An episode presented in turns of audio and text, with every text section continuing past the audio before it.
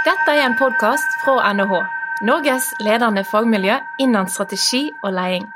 Trenger du mer faglig påfyll? Sjekk ut NHH Executive for våre etter- og videreutdanningstilbud. Hei og velkommen til ny sesong av Lederskap. Tellef han er på plass som gjesteforsker ved University of Oxford, men vi spiller inn og slipper episoder som normalt. Og I denne episoden her så skal vi snakke om hvordan bedrifter kan ta gode strategiske valg basert på de økonomiske konsekvensene som valgene måtte ha. For er det egentlig mulig å framskrive sånne valg, og hva er det man er nødt til å tenke på? Og Episodens gjest er Trond Bjørnenag, som er professor ved Institutt for regnskap, revisjon og rettsvitenskap ved NHH. Og han er også programdirektør for NHH Executive sitt EMBA-program. Og Som vanlig så må du huske på å klikke på abonner. Da blir du varsla om nye episoder, og vi kommer til å slippe som normalt gjennom våren. Velkommen til Lederskap. Og da må vi si hjertelig velkommen til deg også, da, Trond. Du, Tusen takk for det. eh, Du jobber jo kanskje med det mange tenker på at uh, en handelshøyskoleekspert skal være ekspert på. Uh, nettopp hvordan økonomi og tall kan hjelpe oss å ta bedre strategiske valg. Så um, kanskje du vil uh, begynne med å fortelle litt om bakgrunnen din og interesser for fagfeltet? Ja, du er akkurat inne på det der med at det skal hjelpe oss å ta beslutninger og valg. og ja, For 30 år siden så hadde vi besøk av en som het Robert Kaplan. Han var dekan på Harvard Business School. Og han sa det at det er nettopp det vi ikke gjør. Altså Vi lager en masse tall som ikke brukes til en puck. Vi genererer tall som er altfor aggregerte, altfor opptatt av finansiell rapportering, altfor lite tilpasset at det skal brukes for beslutninger. Og Det, det syns jeg var utrolig, utrolig spennende. Han sa det at jeg har forsket og publisert i de beste journalene. Og mesteparten av det jeg har publisert, kan ikke brukes i praksis. Nå skal jeg bruke resten av min tid på å forske på hva man holder på med i praksis, og hvordan vi kan bidra til å forbedre praksis. Og Hans utgangspunkt det var å bruke tall mer konstruktivt. Altså bruke tall som faktisk kunne si noe om hva vi kunne gjort annerledes hvis vi visste det, eh, vi hadde informasjon om det. Og jeg må jo si, eh, Da jeg spurte deg om hva lyttende lederskap kan ha nytte av å høre om fra din forskning, så var du raskt ute med å si 'potensielt resultat'. Ja, Men hva er det, da? Og hvorfor er det så viktig, Trond? Ja, Potensielt resultat er egentlig det Kaplan eh, snakket om. Han, han sa at vi er så opptatt av å rapportere til børsen og til andre utenfor hva vi har tjent. Og så altfor lite opptatt av å si hvor ligger den skjulte profitten, eller hvor, hvor, ligger det potensialet vi kunne ha skapt. da. Mm. Og Det har jeg forsøkt å videreføre. da, ved at, eh, ved at jeg har eh, laget et rammeverk som ser på om potensialet ligger i å anskaffe ressurser billigere, i å drive aktiviteter mer effektivt, i å konsentrere seg om de riktige produktene, orientere seg mot de riktige kundene, eller å utvikle nye eh, forretningsmodeller som kan skape mer, mer verdi. Da. Og en av de tingene jeg lærte meg etter hvert som jeg satt i styrer, jeg har satt i en del styrer, er at vi snakker fryktelig mye om hvordan det har gått. Og vi bruker fryktelig mye tid på å forklare hvordan det har gått, og kanskje enda mer tid på å bortforklare hvordan det har gått. Mm. Eh, så, eh, så, det som jeg mener er at vi, vi er blitt altfor introverte og snakker om eh, fjoråret eller snøen som falt i fjor, og altfor lite om hvordan vi skal tilpasse oss uværet som kommer i fremtiden. Mm. Utrolig spennende, da. Og jeg har jo lyst til å utfordre deg da på Kanskje du deler et eksempel med oss da fra et sånt styrearbeid du har vært i? For jeg vet at du da har vært tett på med å prøve å endre eh, denne formen for, for, styring, der man ser bakover heller fremover. Hva vil du dele da? Jo, altså eh, Jeg eh, kan f.eks. ta utgangspunkt i at jeg var styreleder i en bank. da. Eh, og Da gjorde, fikk jeg noen studenter til å gjøre en undersøkelse om de var fornøyd med hvordan eh, resultatene var i banker rundt omkring. Så vi fikk tak på data fra 72 banker. da. Mm. Og Ni av ti banker var strålende fornøyd. Ok. og Det var fordi at akkurat i den perioden så var det veldig gode rentemarginer og veldig lett å drive bank. Mm. Så folk var kjempefornøyd med hvordan de hadde gjort det. Uh, det jeg tenkte var at det kan jo ikke være slik at når alle setter pers fordi man har en enorm medvind, så bør man være fornøyd med at man løper fort. Mm. Man må jo ta hensyn til, til vind- og værforhold. Sant? Så det jeg forsøkte å gjøre, var at jeg startet mine styremøter med å snakke om hvordan andre hadde gjort det. Jeg sa jeg antar at jeg har lest regnskapet på, liksom, eh, som er sendt ut i forkant. Det var jo ikke alle som hadde gjort det, men eh, en del hadde gjort det. Har dere noen spørsmål? Hvis ikke folk har spørsmål, så la oss nå heller bruke tiden på å snakke hva andre har gjort, og hva vi kan lære av de, da. Mm. Så eh, Dette har jeg også gjort nå i, i, i sykehus, da, med at vi, vi forsøker å, å, å, forske på sykehus, hvordan vi kan få mer helse ut av hver krone i, i sykehus. Og vi, vi er et lite forskningsmiljø med NHO og NTNU som ser på dette her.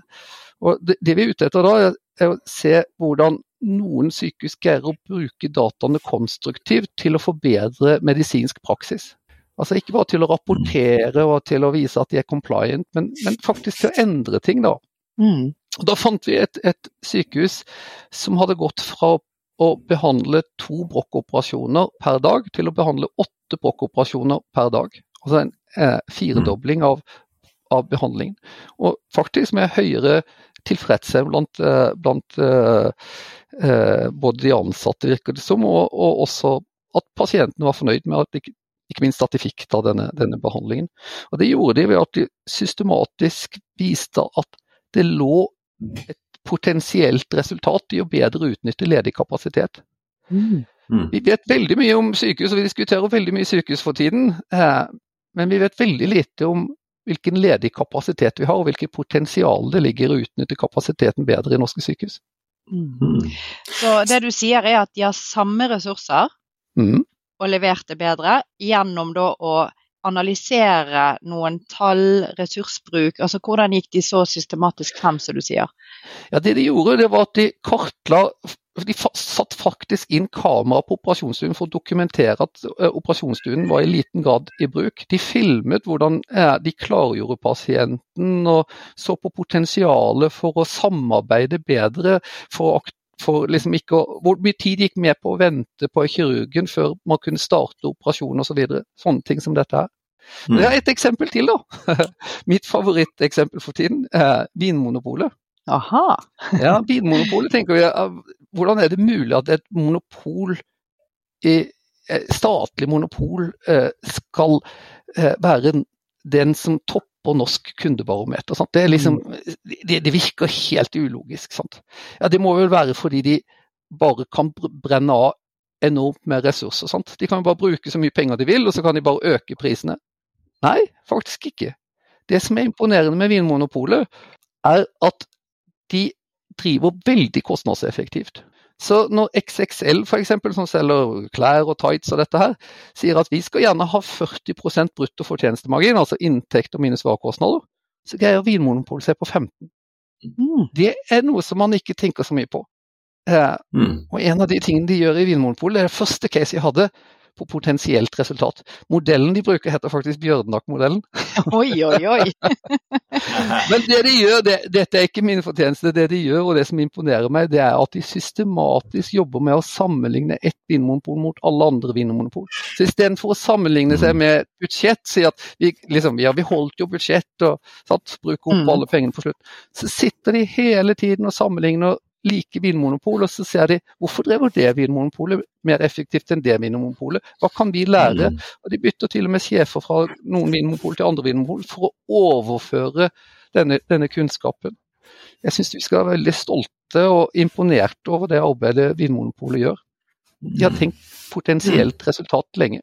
Og det går ikke utover samfunnsoppdraget deres. De, de, de leverer eh, også på kontroller og på kvalitet, og ikke minst kundetilfredshet. Mm. Ja, for det, Vinmonopolet er jo en litt spesiell virksomhet der man egentlig har en offentlig politikk som skal begrense salg av produkter, ikke sant? Det er kjempeinteressant, da, for de, de, som du sier så skal de jo begrense eh, salget. Så de må på en måte finne en balansegang her sant, mellom det å levere på samfunnsoppdraget, men samtidig så må det ikke bli for dyrt. Sant? For hvis kostnaden blir for høy, så møter de motstand. Mm. Så de må ha legitimitet gjennom å drive kostnadseffektivt. Mm. Ja, for dette er jo to spennende eksempler. Da har vi både Vinmonopolet og, eh, og offentlig sykehus. Men eh, når jeg hører det snakke om potensielt resultat, så tenker jeg jo mye på, på bunnlinja da, og på profittorientering. Så i privat næringsliv eh, vil du si at disse verktøyene handler primært bare om eh, lønnsomhet, eller er det andre ting som kan regnes inn i, i dette rammeverket ditt også? Ja, det er et veldig, veldig godt spørsmål som jeg har tenkt en del på. fordi de som tenker potensielt resultat i utgangspunktet, er ofte PE-fond. Uh, noen sier at det mykeste på disse folkene er tennene deres. De går inn og så dissekerer de sier hvor ligger det potensielle resultatet hen, hva kan vi kutte av kostnader. det grelleste eksempelet jeg har sett, det var når jeg satt i styret på en, en bedrift. og De kom inn disse PE-fondene og skulle vurdere hvor ligger det potensielle resultater, så sa de at det mm. sløser bort titalls millioner, kanskje 100 millioner kroner på å gi de ansatte bonus. De så et mm. potensielt resultat i å, eh, i å kutte bonusen til alle ansatte. og sa Vi trenger jo ikke ha med de alle, vi trenger jo bare ha med lederne. sant? Og når vi skal mm. pynte på selskapets resultat før vi skal selge det, så må vi få opp EBIT-en. Det gjør vi vel med å ta vekk denne, denne bonusordningen. Og Det første mm. budskapet mitt er at det å forstå en virksomhets potensielt resultat, det betyr ikke at du skal gå etter det. Det er veldig viktig. Du, det, du må ha andre verdivurderinger inne enn bare profittmaksimering. Jeg tror forresten at eh, dette her med å kutte den bonusordningen var veldig kortsiktig i tillegg. Det. det. andre det er at man kan utvide dette potensielt resultatbegrepet til, til også å gjelde andre forhold, som f.eks. bærekraft. Så for meg, når vi snakker om, om, grønn omstilling og bærekraft, så handler det om å, selvfølgelig å forstå hva ting koster. Jeg er jo genuint opptatt av å forstå hva ting koster. Så når jeg ser at vi har ulike alternative fornybare energikilder som koster f.eks. 2,50 i det ene tilfellet per kilowatt, eller 50 øre på, eh, for en annen type produksjon, ja, så mener jeg at det potensielle resultatet ligger i at vi kan produsere fem ganger så mye med én teknologi som en annen teknologi. I dag så virker det som om grønn omstilling det handler liksom bare om å få mer av alt. Mens det å få inn en sånn som meg til å regne på ting, det er for å prioritere sant? og bruke iallfall fakta om kostnader og hva det koster å bygge ut, inn i debatten.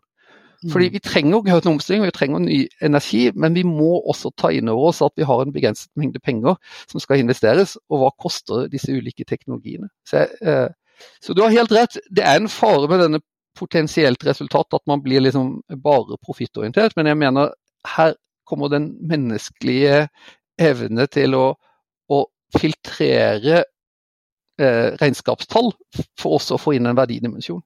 Mm.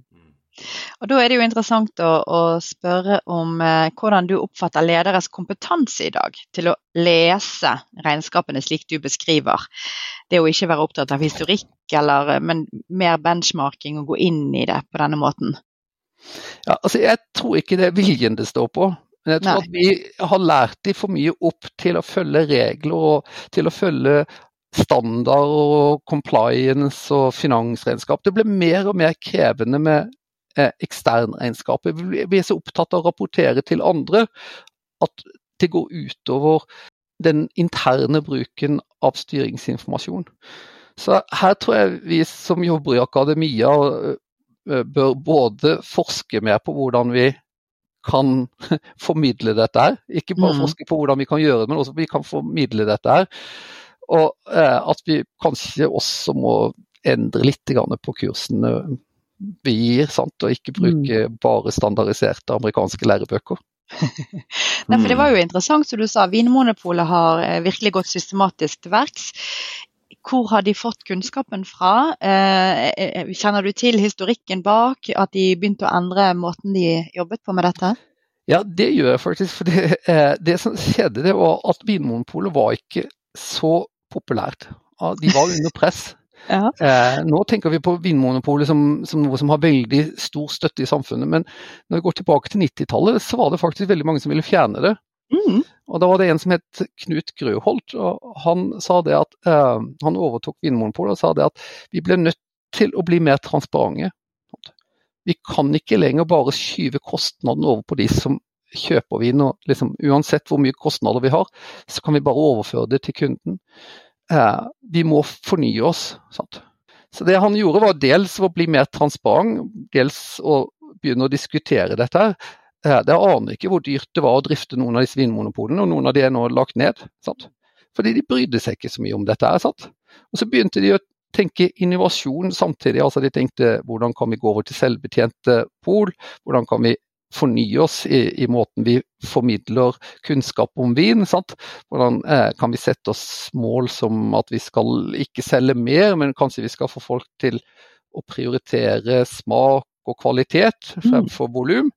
Så de jobbet systematisk med dette, men de, de hentet altså inn meg og spurte meg kan du gjøre en vurdering av eh, om vi driver effektivt. Kan du gjøre en vurdering av potensielt resultat?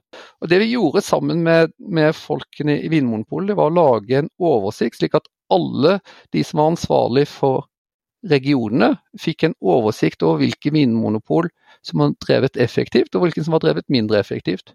Og vi regnet til og med frem et potensielt resultat dersom man kunne lære av de beste. Og Det ble presentert for ledergruppen og for styret. Så de tok initiativ da, og Det er mm. sånne ledere vi trenger, de som er tøffe nok til å, ha, å, å gjøre dette. Sier at vi skal være åpne, vi skal være transparente, mm. og vi skal ikke bare være drevet av budsjett. Dette, det, den tenkningen her var jo før Beyond Budgeting, men der ser jeg kanskje at det er en god del av denne Beyond Budgeting-tenkningen som ligger i dette her. Som jeg vet at dere har hatt på andre podkaster. Mm. Ja, jeg tror ikke vi har gått så dypt inn i Bjørn Budgeting. Anita Meidel var jo med oss og, og forklarte litt. Men bare gjenta litt kort hva Bjørn Budgeting er, Trond, før, uh, hvis noen ikke har hørt denne episoden. Ja, det handler kanskje om at eh, budsjetter kan lede en til å, å havne i en komfortsone. Der vi eh, på en måte bruker de pengene vi har tilgjengelig, Eh, og er mer opptatt av å skape oss rom gjennom eh, budsjettprosessen. og Vi tar fjorårsbudsjettet og så lager vi neste års budsjett. Mm. Så vi lager oss en slags komfortsone. Mens det potensielt resultatet Bjørn Bødting forsøker å gjøre, eller bidra til, det er at vi kommer over i en slags strekksone der, der, vi forsøker å strekke oss etter forbedringer. Mm. Og et av de viktigste virkemidlene da, det er å systematisk sammenligne seg med seg selv over tid, eller med andre. Mm. Nå er Beyond Budding veldig veldig mye mer enn det, og jeg vil jo anbefale å lage en hel episode om dette. Ja. Eh, fordi NHH, er, Jeg er veldig stolt over at kollegaene mine på NHH, både på Sol og på regnskap og revisjon, har, har, har bidratt mye med god forskning på dette området også. Mm. Ja, Det er spennende. og jeg vet også at uh, Fordi jeg er så opptatt av mediebransjen, så vet jeg at Skibsted har operert med, med dette i flere avdelinger. Absolutt. da, og Skibsted har også uh, vært veldig veldig flinke til å drive med potensielt resultattenkningen. Og Det som er, er jo at virksomheter som Skipsted som får press utenfra fordi de må omstille seg, mm. de har en tendens til å, å adoptere dette her ganske raskt. sant? Men Vinmonopolet de, de, hadde ikke det eksterne presset, eller sykehus har ikke det, mm. eh, det eksterne presset, og Norges handelshøyskole har iallfall ikke dette presset. Så vi trenger, vi trenger, andre typer av styringsinformasjon for å generere dette presset selv, da. Mm. Ja, men Da har vi sneid innom eh, eh, budsjett, men vi skal jo holde oss til eh, regnskap i dag. Og eh, En ting jeg lurer på, som er bare som de erfaring også ja, som akademiker og som eh, profesjonelt styremedlem og styreleder. Eh, I hva grad kan man eh, ikke bare se på potensielt resultat, men rett og slett å sminke eh, resultat? Eh, etter de erfaringene, hvordan går selskap fram for å sminke regnskap? Ja, det, det, det finnes det utrolig mange måter å gjøre på. da. Så det eh, er vi tror ofte at det bare er private selskaper som gjør dette. her. Men, eh, og, det, og, det, er mange private selskaper som gjør det. og En måte de gjør det på, er å, å lage seg såkalte alternative prestasjonsmål. Ting som ikke revisor godkjenner, men som de selv kan mikse og trikse. Så når de f.eks. sier eh, de har et resultat før skatt, rente etter avskrivning og nedstigning, EBITDA som vi snakker om, så kan de mm. av og til selv definere litt hvordan det er. Så her skal man være veldig veldig, veldig forsiktig. eh, med mm. å eh, bruke de tallene uten at man går bak og ser hvordan de er laget. Mm. Eh, og Av og til så, så uh, tror vi at det er lett å fortelle hvor mye et selskap har i gjeld. Nei da, eh, på lørdag så hadde jeg en forelesning for, for eh, eksekutivstudenter hvor jeg viste at det er ikke lett. Selskapet selv sa at de hadde under en milliard i gjeld, men når vi letet litt grundigere så så vi at jøss, det var jo fire. Eh, så det, det er en del sminking. Og så tenker vi at dette her skjer ikke i offentlig sektor. Jo visst gjør det det. Hvis du tar f.eks. Eh, eh, Helse Sør-Øst, mm. så er den viktigste kostnaden i et helseforetak eller et regionalt helseforetak, det er selvfølgelig lønn. Og Det kan man vel ikke sminke. Jo visst, pensjonsforpliktelser. Mm. Så i regnskap til Helse Sør-Øst så må du langt ned i fotnoten og da er 98% av befolkningen ikke med lenger. Det er bare oss med begrensa sosialt, sosialt, nettverk som, som, går inn i fotnoten i regnskapet. Sant? I fotnoten så finner du faktisk at de har skjult over 30 milliarder i pensjonsforpliktelser i regnskapet. 30 milliarder, det er mye penger, det! Men det er ikke så farlig, da, for eh, de vil jo alltid få staten til å, å dekke disse forpliktelsene. Men, men, dette er slik at hvis, hvis Helse Sør-Øst hadde måttet føre regnskapet etter internasjonale regnskapsprinsipper, så måtte de tatt mm. inn over seg at de har egentlig 30 milliarder eh, mer i pensjonsforpliktelser enn det som, som fremgår av regnskapet. Mm. Men innenfor, eh, innenfor lovens ramme og eh, internasjonale regnskapsstandarder, er det måter å eh, tilnærme seg la oss si, mer positive potensielle resultat med, eh, med den type sminke også? Ja da, det er det. altså. Jeg er egentlig ja, ikke så glad i å snakke om sminking, for det, jeg vil jo helst at vi skal lage regnskapet slik at de kan brukes for beslutninger internt, og ikke bare for å få opp aksjekursen eller hva det måtte være da. Og Av og til mm. så, så driver vi faktisk og manipulerer med regnskapet konstruktivt òg.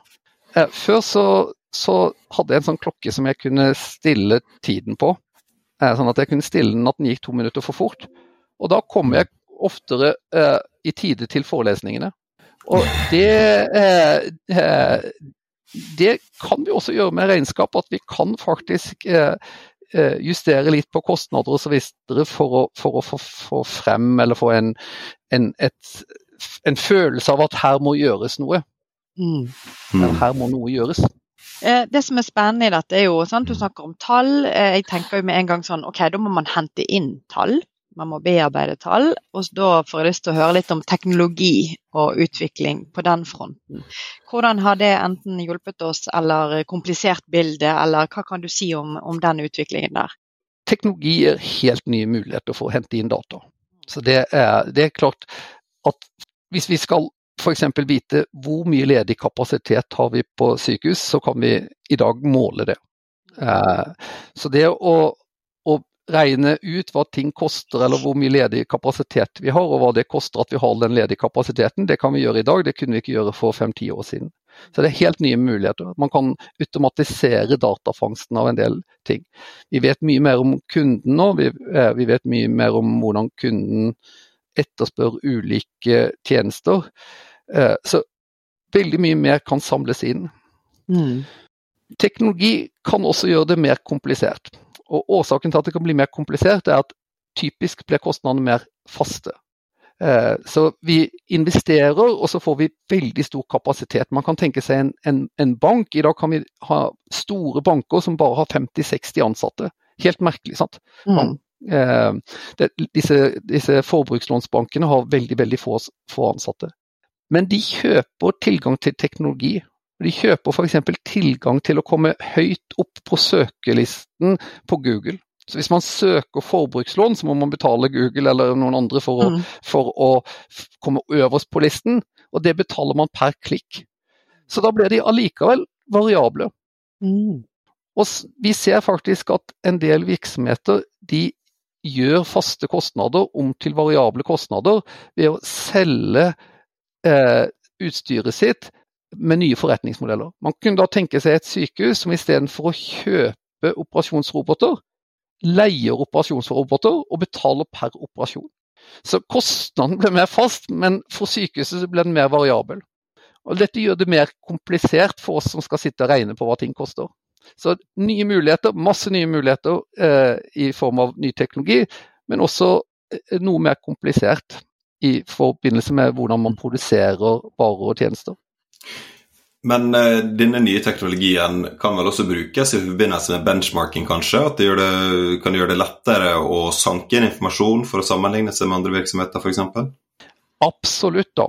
Eh, så, eh, det gir helt nye muligheter til å samle data. Det er helt utrolig hvor mye informasjon man kan, kan finne. jeg, jeg er så heldig at jeg har så mange studenter som jeg kan veilede for masterutredninger. Og det er helt fascinerende hvor mye de kan finne ut om konkurrenter, men også mm. om kunder. Mm som, de, som ikke var mulig bare for to-tre år siden. Så her går eh, utviklingen raskt, og vi får stadig nye muligheter. Utfordringen ble jo at eh, vi må skille hva som er vesentlig informasjon for hva som er uvesentlig informasjon. Ja, og så har det vel noe med kunden. Vi er jo eh, ganske slappe. Vi, eh, vi godtar jo enhver dataenhet som blir samlet inn hos oss, virker det som. Hvem orker å lese alle disse retningslinjene og akseptere. Og du er jo opptatt av kundelønnsomhet. Um, er dette unikt for private bedrifter, eller kan alle virksomheter beregne sin kundelønnsomhet, og i så fall hvorfor skulle de gjøre det? Ja, altså Kundelønnsomhet er mest utbredt private virksomheter. Og en av de tingene vi finner i forskningen, er at det er en ganske tett sammenheng mellom å utarbeide avanserte kundelønnsomhetsanalyser og virksomhetens lønnsomhet. Mm. Så det, Av alle de verktøyene vi har, så er det faktisk der vi finner en klarest sammenheng. Og Samtidig så finner vi veldig mange bedrifter vet veldig lite om, eh, om eh, kundene sine og kundens lønnsomhet. Så det er nok dette området bedriftene selv ser som sitt største potensial når det gjelder å forbedre styringen. Mer kunnskap om hvilken kunde man tjener penger på, og hvilken kunde man taper penger på, eller tjener mindre penger på. Da. Men jeg tror at eh, dette kan også brukes inn mot offentlig sektor. For jeg, Like viktig som å skjønne hvilken kunde du tjener penger på og hvilken du taper penger på, er det å forstå kunden og systematisk forstå hva kunden egentlig er villig til å betale for. Mm. Og Vi som driver med f.eks. studenter, vi bør jo forsøke å forstå hva er det vi egentlig bidrar med for studentenes læring. Bruker vi ressursene på de tingene som øker læringen? Bruker vi ressursene på sykehus på det som gir størst helsegevinst på, på sykehusene?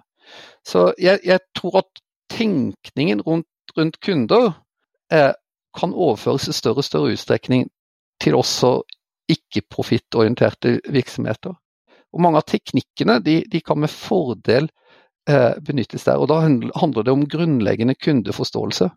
Men Det er jo eh, ja, veldig spennende. og Vi hadde jo en episode med Magne Uppell der vi gikk inn i eh, veldig god forståelse og egentlig verktøy han anbefalte også for å stå. Jeg vet jo at du bruker han flittig inn på, på eksekutivutdanningen, så ja. Det, det, det, det, der vil jeg bare si, er det én ting jeg har hatt stor glede av, så er det å, å, sitte og høre på veldig mange av mine kollegaer fra andre institutter.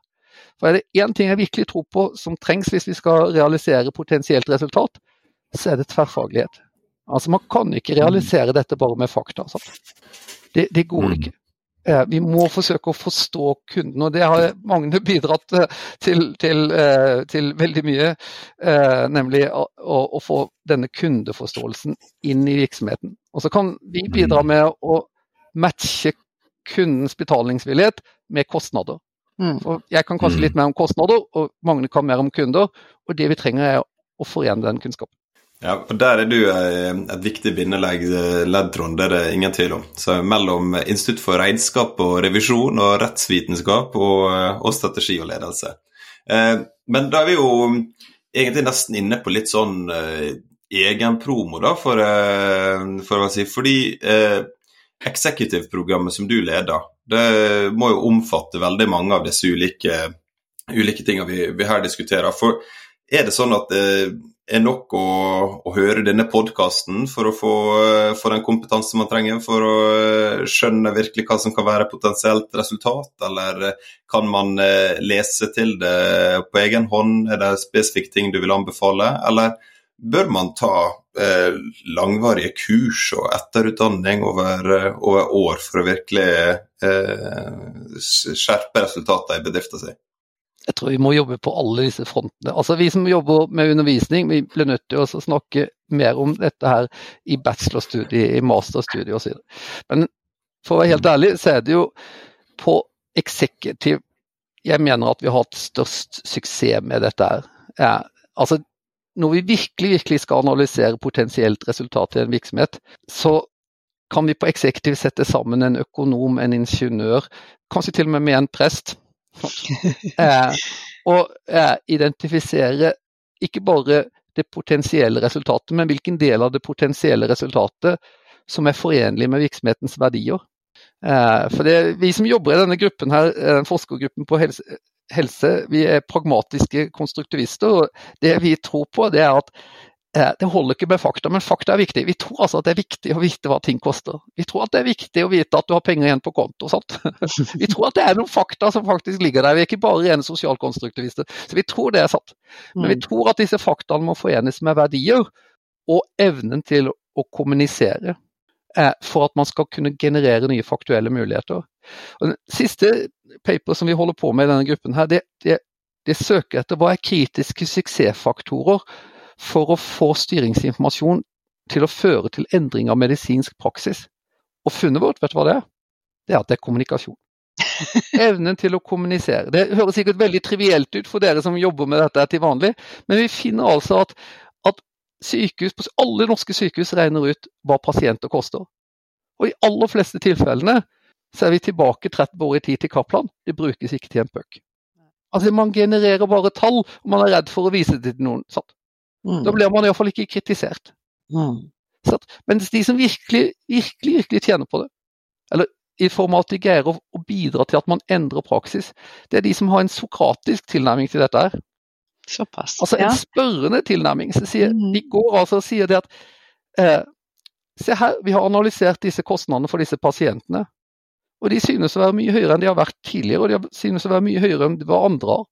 Kan du, se, kan du se litt på disse her? Hvorfor, hvorfor, kan det være Hva er det som har skjedd her? Hva er det som har gjort noe annerledes? Hva er det vi gjør annerledes eh, enn det andre gjør? Og, eh, hva kan vi gjøre for eventuelt å forbedre det? Altså De er systematisk spørrende istedenfor å si her har jeg brukt for mye, det har overskredet budsjett, jeg må se å få kuttet det.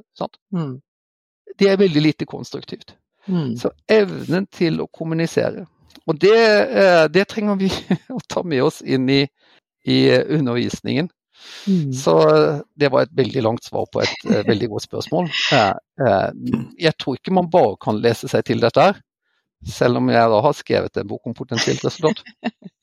Den kan vi få lov å legge inn i, i anbefalingene i mm. episoden, tenker jeg, Trond. For all del. Jeg, til og med jeg har jo lest den og skjønt veldig mye, må jeg si. Selv om jeg tror ikke jeg kunne gått dypt inn i det med min fagbakgrunn. Men jeg syns det er fascinerende at du bringer opp det tverrfaglige perspektivet her, at det også er ekstremt mm. viktig eh, i denne sammenheng. For det er jo det vi ser egentlig i stort i veldig mange virksomheter, både privat og offentlig. Skal du drive noe fremover i dag, løse de store utfordringene, så er du helt avhengig av tverrfaglig eh, perspektiv. Men får du ikke de til å kommunisere sammen, så sliter vi. Og I tillegg, vet du hva, Therese? I tillegg så må man starte smart. Sier du det? Har du lært det, altså? Ja, jeg har lært. Fantastisk. Nei, men tusen takk, Trond. Dette er utrolig spennende og jeg tror veldig lærerikt for, eh, for lytterne våre. Men hvis du skal liksom runde av nå, da. Hva er dine tre beste tips om hvordan komme i gang med å gå fra regnskap til handling?